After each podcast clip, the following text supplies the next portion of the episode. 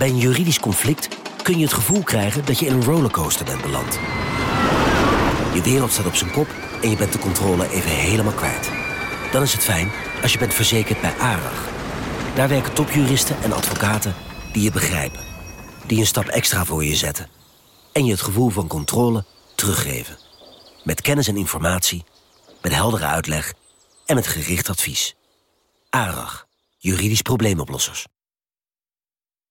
Nieuw Aquarius Red Peach Zero Sugar. Met zijn heerlijke frisse persiksmaak zonder suiker draagt Aquarius bij tot jouw dagelijkse hydratatie en helpt zo mee om je vochtbalans op peil te houden tijdens alledaagse actieve momenten. Thuis, op het werk of onderweg. Ook verkrijgbaar in smaken lemon en orange. Probeer hem nu. Vanaf de redactie van NRC het verhaal van vandaag. Mijn naam is Egbert Kalsen.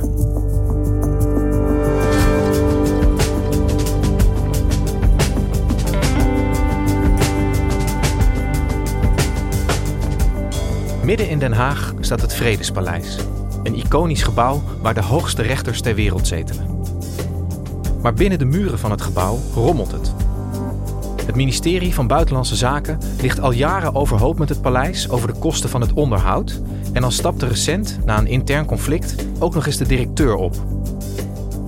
Politiek verslaggever Guus Valk vertelt over de zware last die drukt op dit symbool van vrede en recht.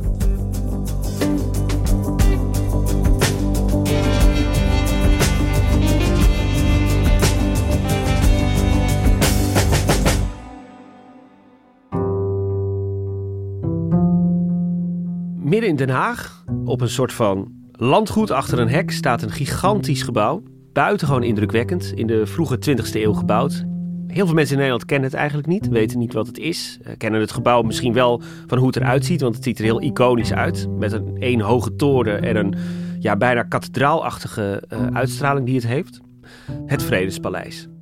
Een tempel voor de vrede, zo was het ooit bedoeld en zo ziet het er ook precies uit. Guus, een uh, iconisch gebouw in het centrum van Den Haag. Hoe, is de stad daar eigenlijk aangekomen? Het heeft een uh, aanloop die eigenlijk al in de late 19e eeuw begon. Je moet je voorstellen dat uh, Europa zoals het toen was, kende een heleboel grootschalige oorlogen. En de machthebbers van toen, met als, meest, ja, als belangrijkste voorvechter daarvan de tsar uit Rusland, Nicolaas II, die vonden dat er regels nodig waren om oorlog te voeren. Dit is dus de tijd voordat er een volkenbond was, voordat er de Verenigde Naties bestonden. Er was nog helemaal niets afgesproken. Maar ze merkten dat de oorlogen grootschaliger werden, mechanischer werden, dat er veel meer doden vielen. En Nicolaas II vond dat het tijd was voor een grote vredesconferentie. En die werd in het jaar 1899 in Den Haag georganiseerd. Alle wereldleiders kwamen en kwamen discussiëren over we moeten regels afspreken over wat er nou eigenlijk wel en wat er nou eigenlijk niet mag in oorlogen al heel gauw is bedacht dat er iets nodig was als een soort van ja, onafhankelijke rechterlijke macht die uitspraken zou doen in conflicten tussen landen. Dit is dus de tijd dat internationaal recht nog eigenlijk helemaal niet bestond.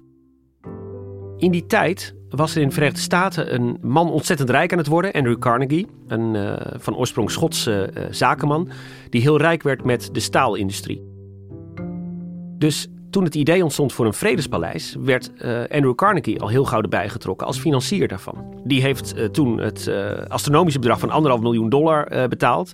En met zijn geld is het Vredespaleis gebouwd. Als een, zoals ze dat toen ook echt zagen, als een tempel voor vrede. Zo moest het er echt uitzien. En dat is ook wel gelukt.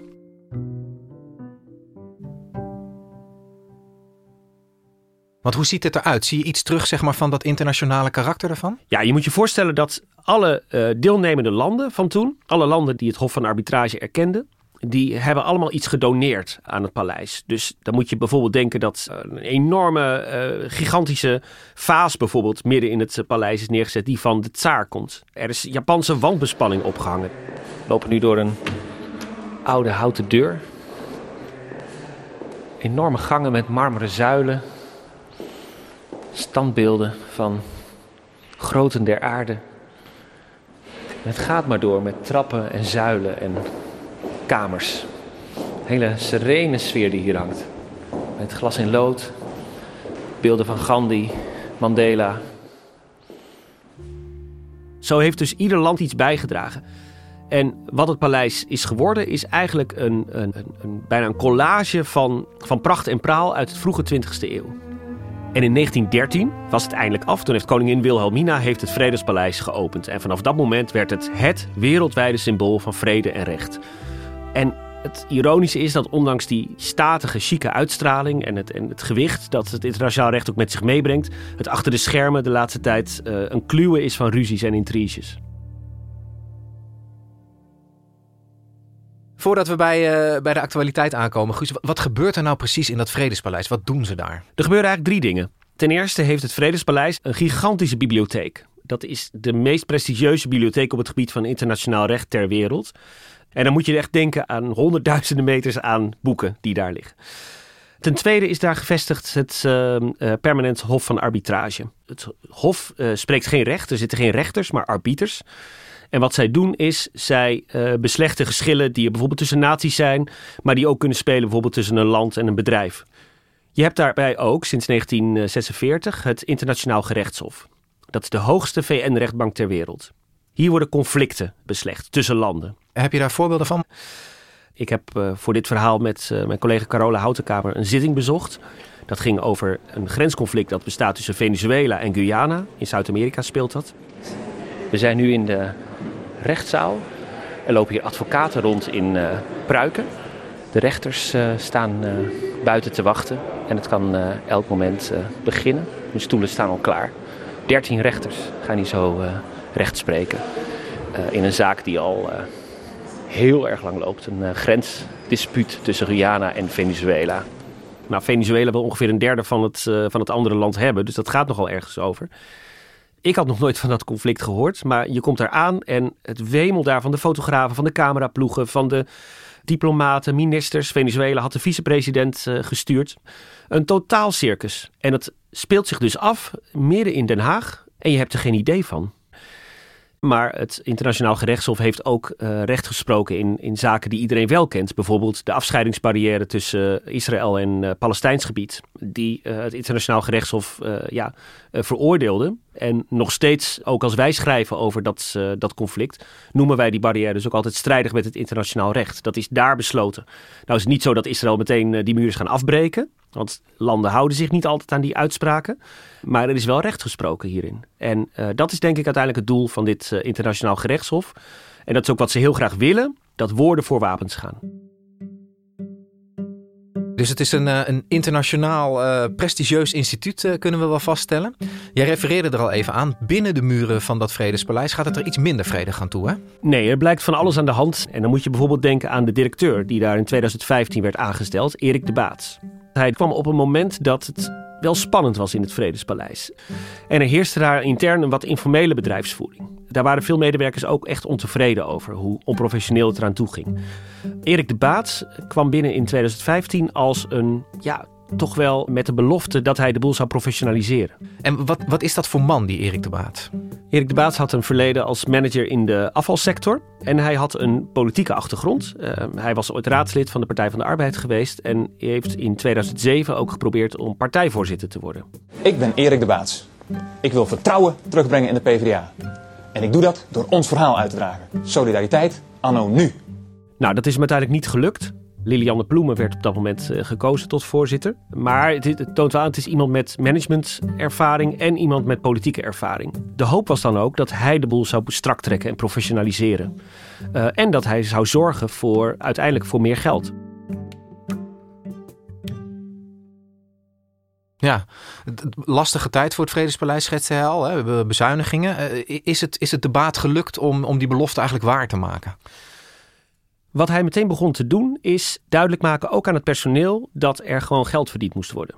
De manier waarop het uh, Vredespaleis uh, aan geld kwam, was altijd voornamelijk uh, subsidie van buitenlandse zaken. Maar hij vond dat ook door bijvoorbeeld evenementen te organiseren, door prijsuitreikingen te doen, door symposia te organiseren, et cetera, dat er dan meer geld binnen zou komen. Dus eigenlijk het Vredespaleis een beetje meer als evenementenlocatie ook te gebruiken. Maar daarbij speelde ook nog iets anders. De Baats maakte zijn personeel ook heel erg duidelijk, en dat horen we in heel veel gesprekken terug met uh, personeelsleden en voormalig medewerkers.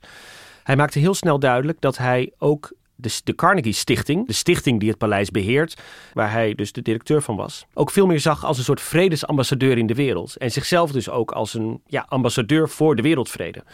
Dus de stichting moest niet langer alleen maar zorgen dat de boel daar draaiende werd. Dus uh, zorgen dat de gordijnen fris gewassen waren, dat, uh, dat het licht brandde, dat er genoeg kopieerpapier in het apparaat zat, dat soort dingen. Uh, nee, ze moesten ook actief gaan uitdragen dat wereldvrede belangrijk was. Dus de baats begon idee te ontwikkelen om bijvoorbeeld interreligieuze dialogen te organiseren met, uh, met de grootmoefti, met de paus, met de Dalai Lama, dat soort figuren. Hij vond dus ook eigenlijk dat de Carnegie Stichting zich veel, ja, veel meer moest gaan profileren. Ja, dat, dat klinkt niet eens heel onlogisch volgens mij. Hè? Zeker als je weet dat die geldkraan voor een deel wordt dichtgedraaid. Hij ging een beetje ondernemen, zou je kunnen zeggen, in dat Vredespaleis. Waar komt dan die onvrede vandaan?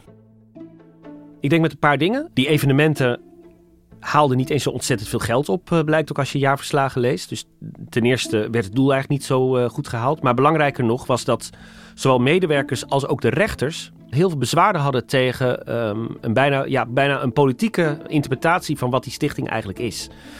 Want die zeggen, ho, wacht even. Wij zijn hier niet om politiek te bedrijven. Wij zijn hier om recht te spreken. Een gerechtsgebouw moet per definitie neutraal zijn. En dat ben je niet als je daar ook allerlei religieuze leiders... voor een of andere interreligieuze dialoog gaat uitnodigen. Dus ze vinden dat echt in strijd met de principes van het Vredespaleis. Maar het ging het personeel niet alleen om wat hij wilde, maar ook hoe hij het wilde. Wij hebben in heel veel gesprekken met medewerkers en oud-medewerkers gemerkt dat er heel veel klachten waren over de autoritaire manier van leiding geven, zoals veel personeelsleden dat hebben ervaren. We hoorden verhalen over notulen die werden aangepast, mensen die uh, tot huilen zijn gebracht, mensen die, uh, die van bepaalde functies af werden gehaald. Die onvrede begon al vrij vroeg, um, maar nam de laatste paar jaar, eigenlijk sinds de coronatijd, eigenlijk flink toe. En daardoor kon het zover komen dat er een anonieme brief werd gestuurd naar het ministerie van Buitenlandse Zaken, de grote geldschieter uiteindelijk, door een medewerker. En wat daarin stond was, uh, zoals het nu gaat hier in het Vredespaleis, kan het niet langer. Jullie moeten ingrijpen. En is dat vervolgens ook gebeurd? Nou, op het ministerie zijn ze daar wel uh, van geschrokken, van die brief. En ze zeggen daar ook dat, dat ze toen dus actie hebben laten ondernemen. En is er uiteindelijk een uh, onderzoek gedaan door uh, Bezemer en Schubat, integriteitsbureau, naar de sociale veiligheid op het Vredespaleis. Voor dat onderzoek zijn medewerkers gehoord en, en daar kwamen heel veel signalen boven over niet alleen de leiderschapsstijl van de baats, maar ook het hoge ziekteverzuim, de werkdruk. Alles wat daar mis was, uh, kwam in dat onderzoek terecht. Um, dat onderzoek is uh, medio november uh, gepresenteerd, alleen maar mondeling aan het personeel. En meteen daarna is Erik de Baats vertrokken als directeur van het Vredespaleis. Hebben jullie hem nog om een reactie gevraagd? Hij mailde ons terug en hij zei in zijn mail dat hij niet wil ingaan op roddels. Maar dat we ook ons moesten realiseren dat toen hij aantrad in 2015, dat hij de stichting in een buitengewoon lastige financiële situatie aantrof. En dat het organiseren van evenementen, het verhuur van de ruimte, et ook nodig waren om ja, enig soelaas te bieden. Zo schrijft hij dat. Oké, dus de baas waar mensen ontevreden over waren en die voor een deel van de problemen bij het Vredespaleis verantwoordelijk was, die is weg. Uh, zijn de problemen daarmee ook opgelost? Nee, die zijn zeker niet opgelost. Want heel veel problemen blijven natuurlijk hetzelfde. Veel mensen zijn boos op, uh, op het bestuur en op hun uh, toch wel terughoudende uh, opstelling van de afgelopen paar jaar. De, de, de, stichting kampt met geldgebrek. En ja, Buitenlandse Zaken geeft nu 4,4 miljoen euro per jaar. Is misschien niet heel veel voor zo'n gigantisch paleis. Dus ergens snap ik ook wel dat ze daar ook wel zijn gaan nadenken van... ja, we moeten ook op een andere manier ons geld gaan verdienen. Uh, het is wel zo dat uh, Buitenlandse Zaken nu heeft gezegd van we gaan nu twee dingen anders doen. Uh, er komt veel meer geld voor die bibliotheek, ehm, want die, die is inderdaad echt noodlijdend op dit moment. En we gaan veel beter controleren of het geld dat wij besteden aan dat Vredespaleis ook echt besteed wordt aan het Vredespaleis en niet aan een leuk congres of iets dergelijks. Deel van het probleem is ook dat Nederland als gastland heeft beloofd om voor eeuwig dit paleis te onderhouden dat is nogal een belofte. En daar moet dus elke keer dus weer geld voor komen. Daarbij komt dat ook de relatie tussen de, de twee hoven en buitenlandse zaken bijvoorbeeld heel erg slecht is. Want het permanent hof van arbitrage zegt... de omstandigheden waaronder wij moeten werken hier in dit paleis zijn zo slecht. Ze zijn nu een arbitragezaak uh, begonnen tegen de Nederlandse staat Omdat ze vinden dat zij als gastland moeten garanderen dat zij uh, goed hun werk kunnen doen. en die zaak loopt nog. Dat toont ook wel aan dat de verhoudingen ook op een ander niveau helemaal verstoord zijn dit zijn wel allemaal nog spanningen die in de lucht hangen daar. En wij merken ook, hè, nu, dat, dat, dat merkten we ook in de afgelopen paar weken, toen, toen de directeur natuurlijk al lang uh, weg was. Dat heel veel medewerkers nog altijd heel veel stress ervaren van al die spanningen tussen al die partijen die, uh, die in dat vredespaleis rondwandelen. Dus er zijn heel veel, heel veel praktische problemen, zou je kunnen zeggen, met dat Vredespaleis. Zowel in de organisatie als met de hele, hele aansturing. Waarom wil Nederland eigenlijk zo graag vasthouden aan het bezit van dat Vredespaleis, aan die uitstraling? Ten eerste is het zo afgesproken. In 1903 is, uh, is notarieel vastgelegd dat Nederland tot in de eeuwigheid deze rol van gastland zou vervullen. Dus altijd zou we blijven betalen voor dat uh, paleis en dat het open kan en dat het licht brandt. Dus ze zitten er, je zou kunnen zeggen, op papier aan vast. Maar er speelt ook iets anders. Dat is dat de geschiedenis ook heeft uitgewezen dat Den Haag en Nederland zich hiermee ook echt internationaal profileren als plek waar internationaal recht wordt gesproken. Daarmee is het echt uniek in de wereld. Dat bestaat bijna nergens anders. En dat is een status die Nederland ook heel veel brengt, zou je kunnen zeggen. Het valt mij op in uh, de oorlog tussen Rusland en Oekraïne bijvoorbeeld, hoe vaak naar Den Haag wordt verwezen door beide partijen als de plek waar uiteindelijk uh, de, de, de oorlogsmisdadigers van het andere kamp uh, wel terecht zullen komen. Den Haag heeft echt impact in de rest van de wereld. En dat weet je niet altijd als je hier. Uh, ik werk zelf in Den Haag, maar als je in Nederland woont of je woont in Den Haag, dan heb je dat ook niet zo heel erg door. Maar er zijn heel veel grote internationale conflicten die hier worden uitgevochten. Dat is inderdaad iets om ook wel heel zuinig op te zijn en heel trots op te zijn. Want dat moet je ook uh, blijven uitdragen natuurlijk als Nederland. Dat, dat blijkt ook steeds uit die gesprekken die we voerden. De medewerkers van het Vredespaleis zijn allemaal ongelooflijk trots dat ze daar mogen werken. Bedoel, ze hebben, ze hebben allemaal ruzie met elkaar, bij wijze van spreken. Maar ze zijn heel trots op dat ze dat werk mogen doen. Deze plek is symbolisch zo belangrijk in de rest van de wereld, maar ook in Nederland. Het gewicht van de geschiedenis drukt zo ontzettend op uh, dit Vredespaleis en op waar het voor staat. Um, uh, hier zitten we de rest van, uh, van ons bestaan nog wel aan vast, denk ik.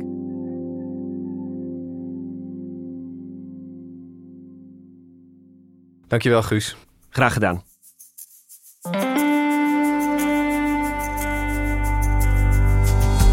Je luisterde naar vandaag, een podcast van NRC. Eén verhaal, elke dag. Deze aflevering werd gemaakt door Ruben Pest en Marco Raaphorst. Coördinatie, Henk Ruigrok van de Werven. Dit was vandaag, morgen weer.